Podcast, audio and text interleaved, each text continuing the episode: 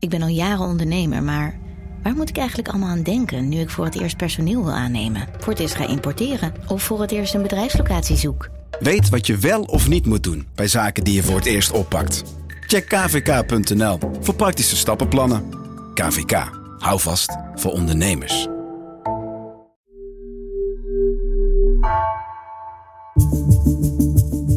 Vanaf de redactie van NRC het verhaal van vandaag. Mijn naam is Egbert Kalsen.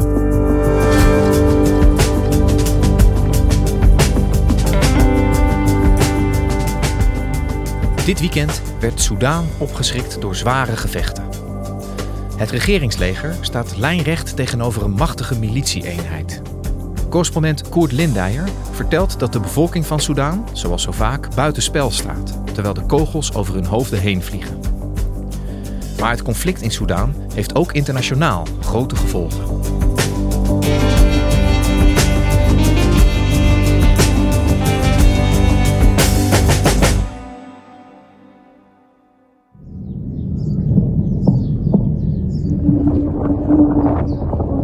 De Soedanezen die werden zaterdagochtend wakker met uh, geweervuur, met het geluid van inslaande bommen. En als ze naar buiten uh, durfden te kijken, zagen ze overal rook in de skyline van uh, de hoofdstad uh, Khartoum. En dit is het gevolg van een gewelddadige machtsstrijd die hier is uitgebroken binnen verschillende machtsgroepen van het leger. Veel gewonden, heel veel doden. Bewoners vertellen dat in sommige buurten geen water meer is. Er is geen stroom meer. De, de situatie is te onveilig om naar ziekenhuizen te gaan. Een vriendin van me vertelde dat ze met haar kinderen naar school ging op zaterdag. En dat ze nog steeds in die school is met haar kinderen, omdat ze nooit meer heeft kunnen terugkeren naar haar huis. En wat er nu gebeurt in de straten van Khartoum is nog nooit eerder gebeurd. Dit maakt de chaos en de wanhoop voor de Soedanezen in Soudaan nog groter dan die al was. Ja, Koert, dat klinkt uh, heel heftig. Een, een, machtsstrijd binnen het leger eigenlijk die zich op straat afspeelt hè, in Soudaan. Wat is er precies aan de hand? Soudaan is een land met twee legers. En vermoedelijk is er geen één land in de wereld dat twee legers heeft. Het ene deel wordt geleid door president Al-Fatah Burhan, president en legerleider van Soudaan. En de andere factie van 100.000 man plus wordt geleid door de voormalige militieleider uh, Mr. Daglo met de bijnaam Hemeti. Zijn uh, troepen zijn weliswaar minder goed bewapend, maar zijn toch in staat om het nu op te nemen tegen de strijdkrachten van Burhan. Dit is dus niet een staatsscheep. Soudaan heeft vele staatsschepen meegemaakt. Het hoogste aantal geslaagde staatsschepen waarschijnlijk van alle Afrikaanse landen. Nee, dit is het niet. Dit is niet een klinische ingreep waarbij de ene leider wordt afgezet door de andere. Dit is een strijd tussen militairen, alle twee facties verbonden aan uh, de centrale overheid, die het nu tegen elkaar opnemen, die dus over de hoofden van de burgers een machtsstrijd onderling uitvechten en die je medeburgers helemaal buitenspel zetten. En, en hoe heeft dit zo kunnen ontstaan eigenlijk? Hoe, hoe kan het dat er twee legers zijn? Het is eigenlijk onderdeel van de giftige erfenis van Omar al-Bashir. Die in 1989 aan de macht kwam en regeerde met de steun van islamitische fundamentalisten. En die om zijn eigen machtspositie te behouden verschillende strijdgroepen in het land financierde. Bashir voelde zich steeds meer bedreigd door verschillende gewapende groepen. En heeft toen eigenlijk verschillende onderdelen van het staatsapparaat heel veel wapens gegeven. Zodat er verschillende strijdgroepen kwamen in het land die allemaal aanhankelijk waren uh, aan Bashir. En in dat machtsspel van hem heeft hij op een gegeven moment een groep in Darfur geadopteerd, min of meer. Dat was de Janjaweed, een militie die daar moorddadig te strijden ging tegen Darfuri van Afrikaanse afkomst. En in 2015 werd de Janjaweed, die toen inmiddels de Rapid Support Forces waren gaan heten, die werden onderdeel van het reguliere leger. Dat waren dus de machtsverhoudingen in 2019. Toen uiteindelijk een volksopstand, een heel bijzondere op, volksopstand met een miljoen mensen op de straat in Khartoum, de hoofdstad, een einde aan Bashir maakte. De volksopstand tegen Bashir is altijd een van mijn hoogtepunten uit uh, mijn carrière geweest. Hier heeft de jeugd de macht. Allemaal jongen, allemaal oortelefoontjes om hun uh, nek hangen. Mobiel telefoontjes om foto's uh, te maken. Het V-teken, jongeren en een groot aandeel van vooral vrouwen. Men wil af van het regime van Bashir en men wil een nieuw Soudaan. Wanneer je een miljoen mensen de straat ziet opkomen. Wanneer je alle neuzen één kant zien uitstaan. Wanneer iedereen in euforie is van eindelijk, na 30 jaar is de bevrijding gekomen. Die euforie, die vreugde die er toen heerste, dat was echt hoopgevend voor Soudaan en heel Afrika. Dat was een heel bijzondere gebeurtenis. Ja, want het leek in 2019 dus even de goede kant op te gaan hè, met, uh, met Soudaan. Het had het perspectief op een, op een democratisch land. Uh, hoe is dat toen verder gegaan? De volksopstand werd in wezen gekaapt door het leger. Het eerste anderhalf jaar was er veel geruzie tussen de strijdkrachten en de burgers. Wie nou de meeste macht uh, zou krijgen. Maar uiteindelijk hebben in oktober 2021 hebben Bouhan en Hemiti samen alle burgers terzijde geschoven en werd het weer een zuiver militair regime. De volksopstand was gekaapt.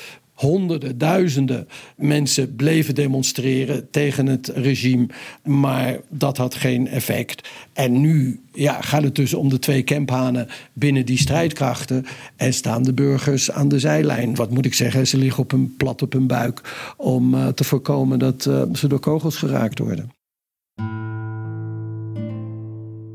Ja, want is, is eigenlijk nu aan te wijzen wat het moment is waarop die twee legers, die zo met elkaar samenwerkten, zou je kunnen zeggen, in 2021, dat die nu zo lijnrecht tegenover elkaar zijn komen te staan?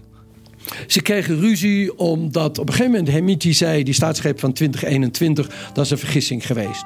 Nou, Burhan zei dat uiteraard niet, want die was de leider, de hoogste jongen van uh, die staatsgreep. Dus toen begon je al te zien dat de twee heren verschillende richtingen begonnen uit te gaan. De ruzie kwam tot een ontploffing toen in de afgelopen weken, sinds begin deze maand, de militairen als onderdeel van een vredesakkoord met de burgers om alsnog een uh, hybride burgermilitair regime op te zetten. De militairen konden het niet eens worden over de integratie van Hemitisch strijdkrachten in het leger. Burhan uh, wilde dat in, uh, in twee jaar doen. Hemiti zei, we moeten, we moeten het in tien jaar doen.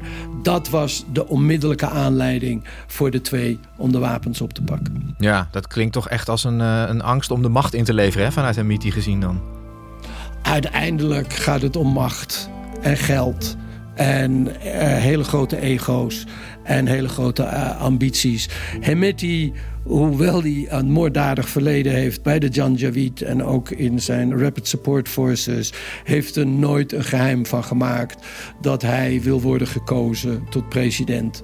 En die ambities van Hemiti hebben ons nu in de huidige conflict situatie gebracht. Een conflict wat Soudaan in een binnenlandse oorlog heeft gestort. Maar tegelijkertijd ontzaglijk veel consequenties kan hebben voor zowel de regio als het Midden-Oosten. En zelfs invloed heeft op wat er op dit moment in Moskou gebeurt.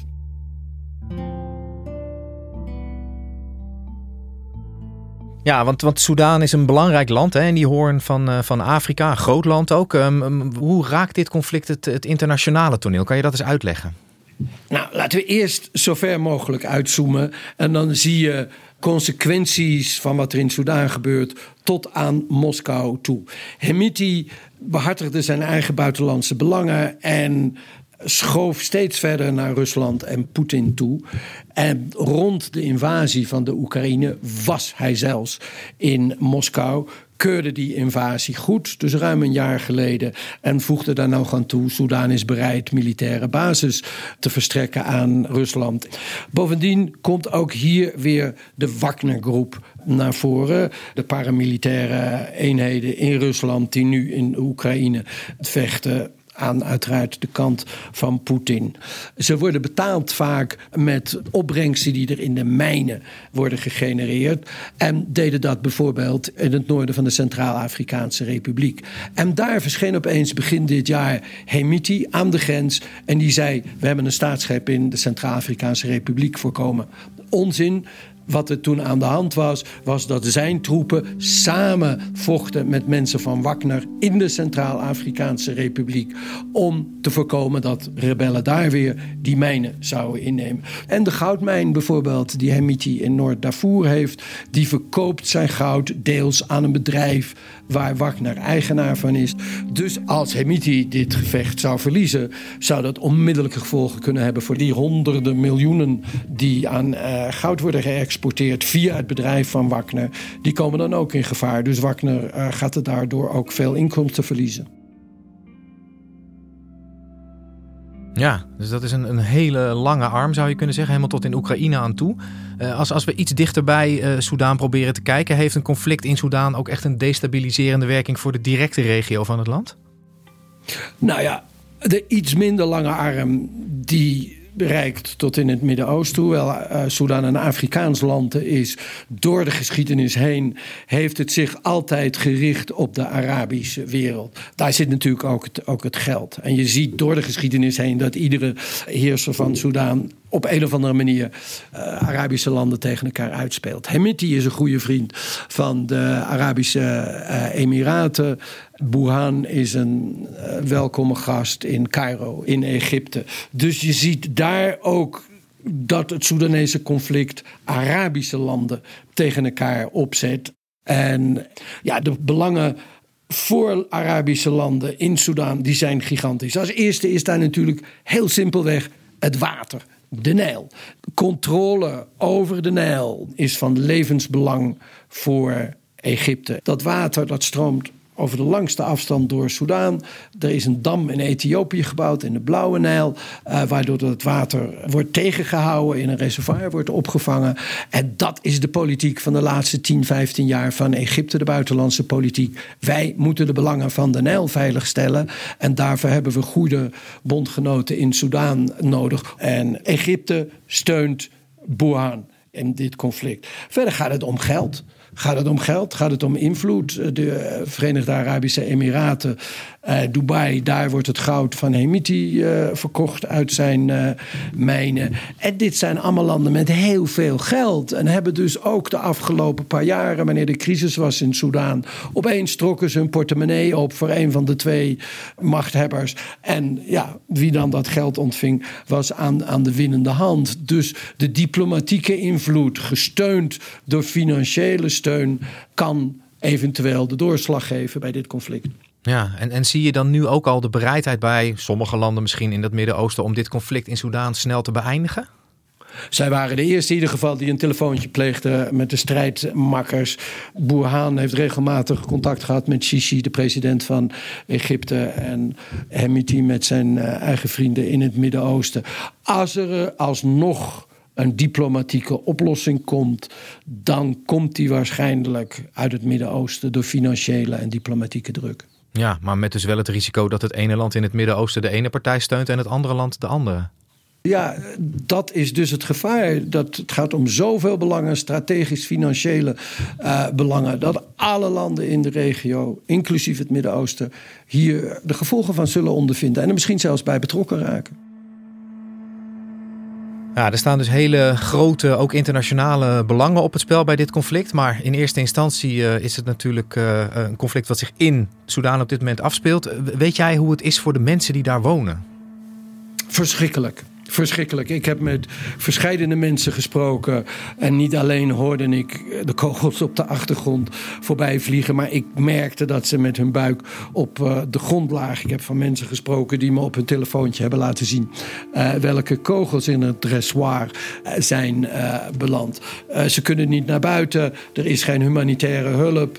Ze zijn volledig aan zichzelf overgelaten. Op zondagavond zou er even een humanitair stakend vuren plaatsvinden van drie uur. Nou, dat heeft nog geen twintig minuten geduurd. En toen werd er weer uh, gevochten. De militairen vechten in de volkswijken. En ze maken zich op dit moment kennelijk geen zorgen over wat dat betekent voor de burgers. In een land wat economisch al helemaal aan de grond zat. Met een gigantische inflatie. En dus die politieke crisis tussen de burgers en, uh, en, en, en de militairen. Ja. Want het is bijna, hè, met terugwerkende kracht is dat altijd makkelijk vaststellen. Maar het was bijna een accident waiting to happen. Hè? Twee concurrerende legers in één land, dat, dat kan eigenlijk alleen maar misgaan, zou je zeggen twee hanen op het erf, dat, dat werkt niet. En zeker wanneer die hanen echt hele grote ego's en heel veel ambities hebben.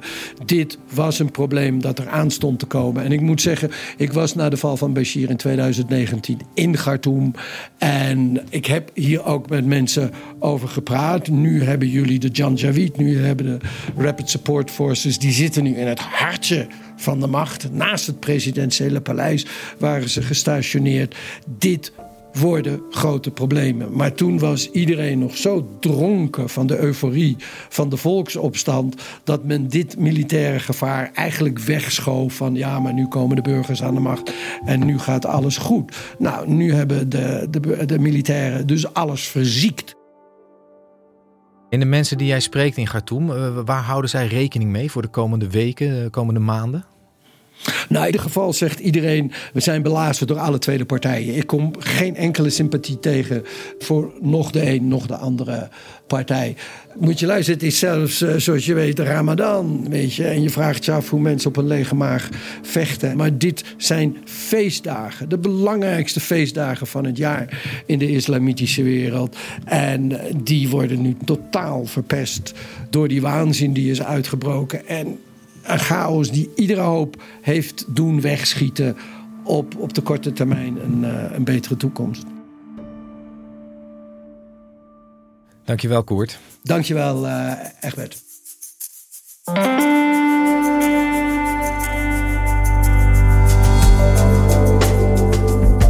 Je luisterde naar vandaag, een podcast van NRC. Eén verhaal, elke dag. Deze aflevering werd gemaakt door Mila Marie Bleeksma, Igna Schoot en Jeroen Jaspers. Coördinatie Henk Ruigrok van der Werven. Dit was vandaag, morgen weer.